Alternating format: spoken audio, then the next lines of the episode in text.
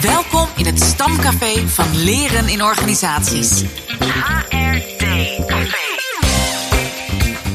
Maak het jezelf gemakkelijk. Ontmoet vakgenoten en laat je verrassen door de laatste nieuwtjes. HRD Café. Ja, dit is uh, de dag die je wist dat zou komen. Dirk, Dirk van der Pol. van der Pol. Ja, je gaat naar Nepal. Ik ga naar Dirk. Nepal. Ja. Staat je rugzak al klaar? Eh, bijna. Ik moet zeggen, ik heb echt zo'n eh, waslijst aan allemaal to-do's. En ik ben helemaal niet goed in, in to-do's, zeg maar. Dus, ehm, maar ja, ik probeer ze één voor één eh, af te werken allemaal. En dan komt het vanzelf wel goed. En ja, ik, ik moest nog allemaal die last minute dingen halen, weet je wel. Van die t-shirts en onderbroeken, dat je die wel genoeg Ja. hebt. En dan nog een hoofdlampje. Oh, en ook nog even thermo-ondergoed. Want het kan Mhm. best wel min 20 worden boven op die berg. Dus eh, waarschijnlijk zit ik straks in het vliegtuig en denk van... Oh ja, volgens mij ben ik nog steeds alles vergeten. Maar ehm, nou ja, het komt steeds dichterbij. Vanzelf is het 5 december. Dus misschien ga je alsnog eh, koude tenen hebben als je daar ergens op een eh, berg ligt. Precies. Nu, eh, omdat het eh, voor even dan toch eh, jouw laatste bijdrage is aan het HRD-café, vonden we het wel gepast om deze editie aan een eh, thema te wijden dat jou nou aan het hart ligt, hè, namelijk organisatiejournalistiek. En eh, Peter Poela, of Peter Poela, interviewde je er uitgebreid over in de Action News podcast. Gojo for short. Go. Gojo for sure.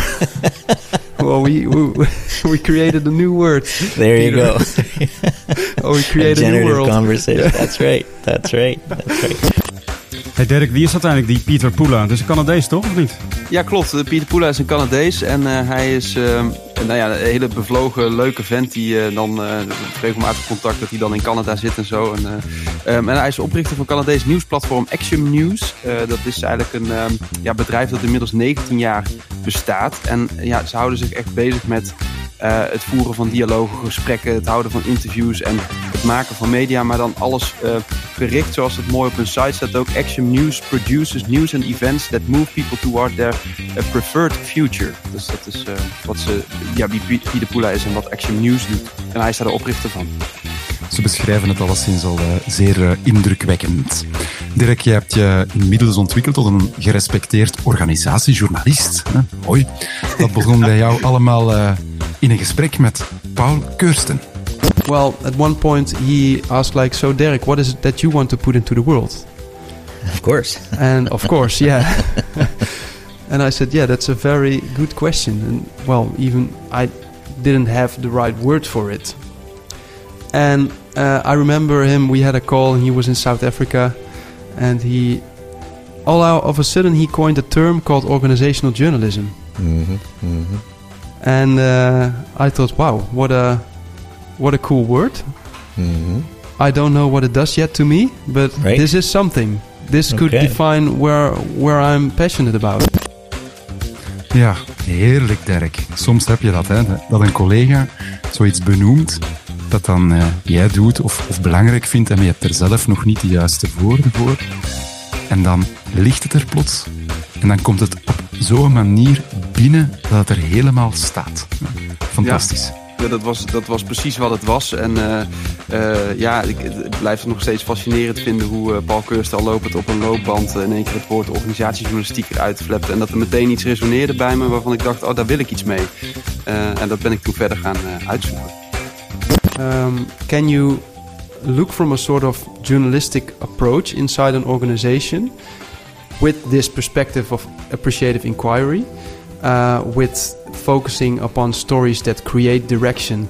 Um, so not focus upon uh, on what is going bad or something, but just being able to give words to what people would really want. And hmm well, one of the famous things in appreciative inquiry is, of course, words create worlds, Right. Yes. Yeah. and by and that's so. I, I will jump into the generative part, of course, um, but that's what what I'm so fascinated about because if you make an organization really small, you have a group of people who like to work together mm-hmm. to get a certain main goal done right. and it's also with the, these different cultures somehow we put it into all kind of structures all kind of hierarchies all kinds of um, um, uh, uh, how do you call it? Wishes people have, ambitions, personal, Right. and sometimes that doesn't help the main goal of an organization. Mm, interesting. And um, I found that with organizational journalism, it really helped, and I think that also connect with generative uh, journalism in that sense, is to make it to help people to reconnect with what their uh, main goal once was when he or she Mm. was inside that organization. Mm, Can you reconnect some someone with that, and can you then put into light where his or her dream future for the company is already there? mm. Hey Dirk, begrijp ik het goed dat je eigenlijk hier zegt... als we, als we nu de organisatie terugbrengen tot de, tot de essentie... dan komen we eigenlijk uit bij de dromen die mensen najagen... en ook eh, de verhalen die je zou moeten delen. Ja, ik denk dat je dat wel eh, mooi eh, samenpakt. Eh, in ieder geval, dat is wat mij opvalt. En ja, ik, vertaal organisatiejournalistiek of generatieve organisatiejournalistiek ook wel als een manier van hoe je verhalen kunt inzetten om die op te halen op zo'n manier dat het helpt om nou ja, echt richting te maken over waar je met elkaar als team of als individu zelfs of als organisatie naartoe wil. Ehm, en ja, voor mij begint het ook in die gesprekken om, eh, als ik interviews heb met mensen, om daar contact op te maken. Wat maakt dat je hier voor het eerst eh, dit bedrijf binnenstapte? En wat trof je toen aan? En, en wat voor werk deed je toen? En waar was je toen gepassioneerd over? En hoe is dat dan nu?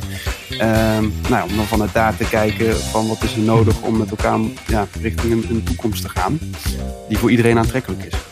Ja, je hebt het hier nu wel heel specifiek over die organisatiejournalistiek. Ik vind het best wel ingewikkeld om dan ook de link te maken met generative eh, journalism. Hoe, linken die ja, twee dan met wa- wacht elkaar? even Joep, want daar zegt eh, Dirk ook iets over eh, in het volgende fragment.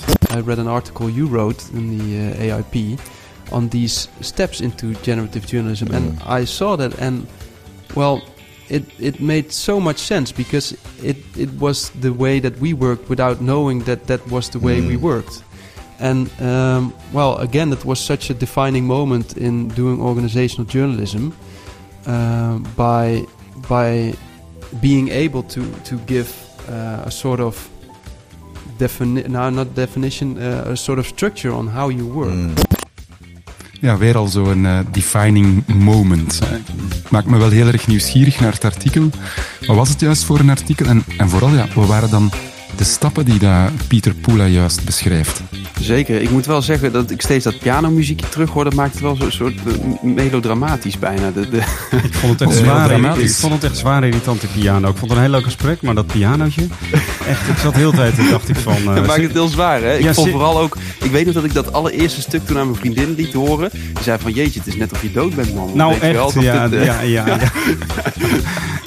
nou ja, goed, maar dat even tezijde, want ik kom even terug op je vraag, Joep. Eh, ehm, ja, goed, dat artikel dat stond dus in het eh, AI Practitioner. Dus dat is een, een blad gericht op eh, ja, de, wereld van eh waarderend veranderen. En daar las ik dus een artikel van Pieter Poela, waarin hij het dus had over ja, generative journalism.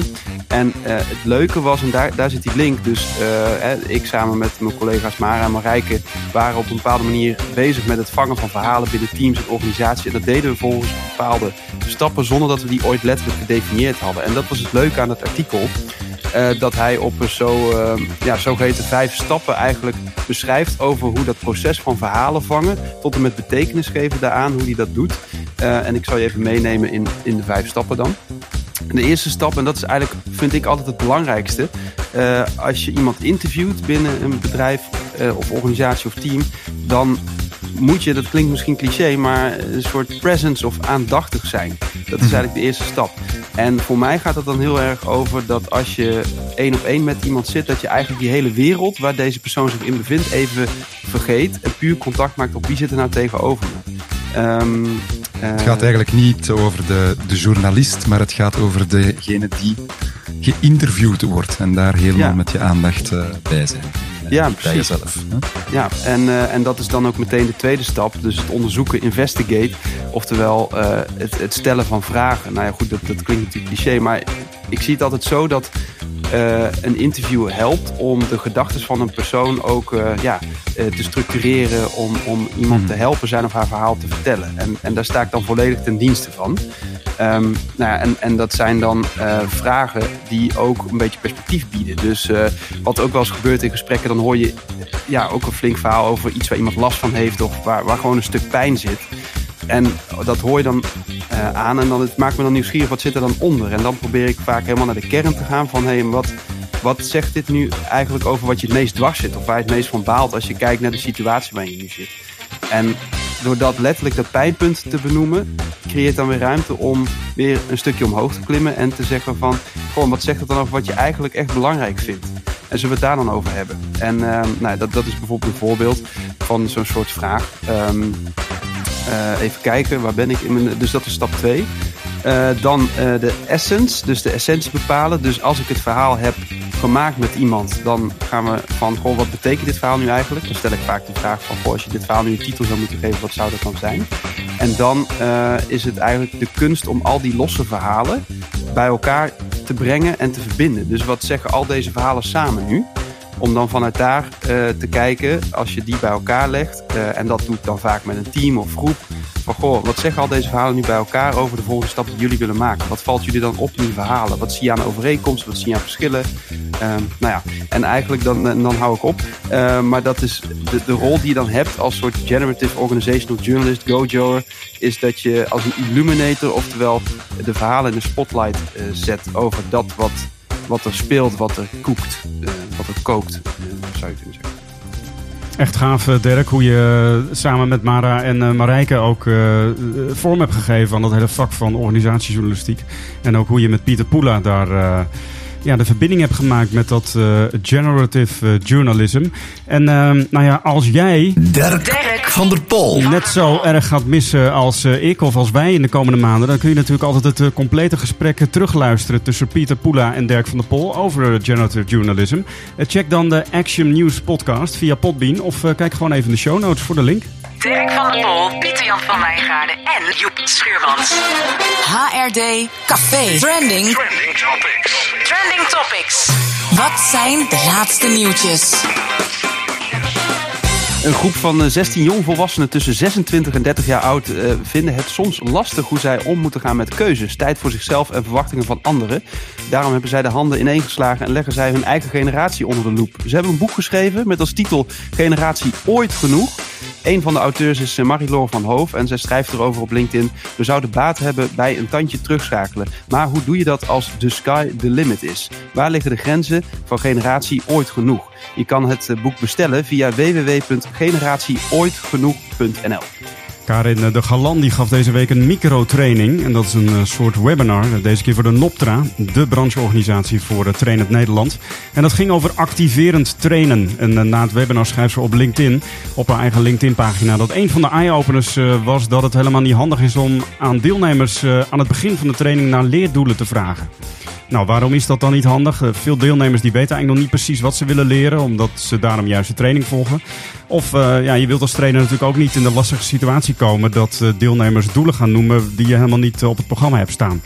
Welke vraag je dan wel staat aan het begin van een training? Um, nou, daar, daarvoor kun je terecht op de LinkedIn-pagina van Karin de Galan. Daarover deelt ze een filmpje. En Adam Grant deelt op Twitter een onderzoek over waardering en dankbaarheid. Dat is gepubliceerd in het Journal of Experimental Psychology.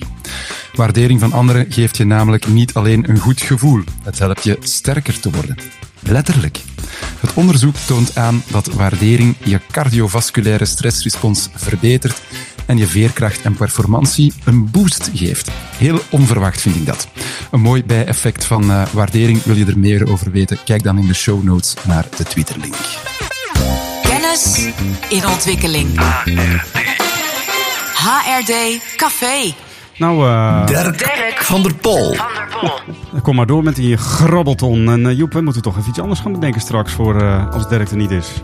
Nou, dat wordt toch wel een hele uitdaging om ja. uh, Dirk te gaan uh, vervangen. Ik weet niet uh, of dat ja, ik dat wel zal kunnen. In het kader van een stukje waardering en wat dat met je doet, ik geloof helemaal in jullie. Dus als ik op die berg zit, dan weet ik gewoon dat HRD-café gewoon loopt. Dat gaat nou, gewoon gebeuren, jongens. Heel erg bedankt. Dirk, Dirk van der Pol. Van der Pol. Komt-ie, jongens. Even kijken. yes, even kijken. Ik heb hier het briefje. nummer 2 nummer 2. Oké.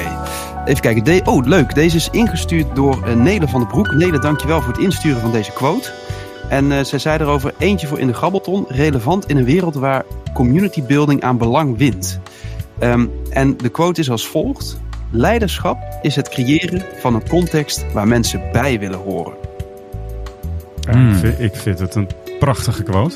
Eh, het, is, het komt of uit een leiderschapsboek of een boek waarin het gaat over community building.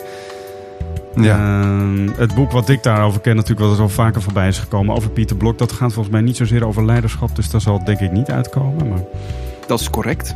oké, nou dan eh, blijven er nog heel veel boeken uit waar het wel uit kan komen. Ik zou het ook niet onmiddellijk Nee. weten. Ik weet Nee. wel dat eh, als het gaat over leidinggevenden, dat eh, en ik, als ik in gesprek ga met leidinggevenden, dat ik het wel vaak eh, contextbouwers noem. Hè. Leidinggevenden zijn contextbouwers. Mooi woord, dus dat sluit er wel mooi op aan. Nou, het is een quote van Michael, Michael Tophoff.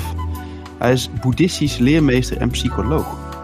Kijk eens aan. Mm. En eh, staat het ook in een boek of is het gewoon een quote ergens vanaf internet? Ja, dat zouden we even moeten checken bij Nelen, want ze heeft erbij gezet ja, een, een quote van, maar niet per se uit welke bron het dan komt. Dus het is of iets wat, eh, wat deze beste persoon altijd zegt of zo, of het staat inderdaad in een boek. Maar dat kunnen we nog eh, achteraf checken bij Nelen, hoe dat precies zit. Nou ja, misschien kun je deze meneer nog ergens ontmoeten in de buurt van Nepal. Ja, je, wie weet. Ja, leuk dat je weer langskwam hier in het eh, HD-café. Ja, geniet er dan. Nou, in Nepal, Dirk. Laat je af en toe iets van je horen? Ik ga mijn best doen om eh, aan jullie te denken. Dat zal ongetwijfeld gebeuren. Eh, en eh, nou ja, goed, als ik af en toe een appje natuurlijk zie binnenkomen van HD Café, dan maakt mijn hart ook weer een sprongetje. En dan word ik weer blij dat jullie weer iets moois aan het maken zijn. En we zien elkaar gewoon weer lekker in, eh, wat is het, eind februari. Dus eh, zin in. Nou ja, en eh, wij werken gewoon door natuurlijk. Iedere week een nieuwe HD-café. Heb je leuke nieuwtjes of eh, wil je reageren? Mail dan gerust naar reactie.hdcafé.nl En we zijn ook te vinden op Instagram, eh @hdcafé podcast. Eh, we waren weer live vandaag. Eh, volgende week misschien weer, dat hangt er een beetje vanaf. In ieder geval, tot dan. Tot volgende week. Namaste. Act normal, then you're doing crazy enough. Doe Say maar normaal. Act normal, then, then you are crazy enough or something. Okay. Alright, okay. So in Holland you would say like, doe maar normaal, dan doe je al gek genoeg. Okay. Kessels En Smit. Broadcasting. Every story needs a cast.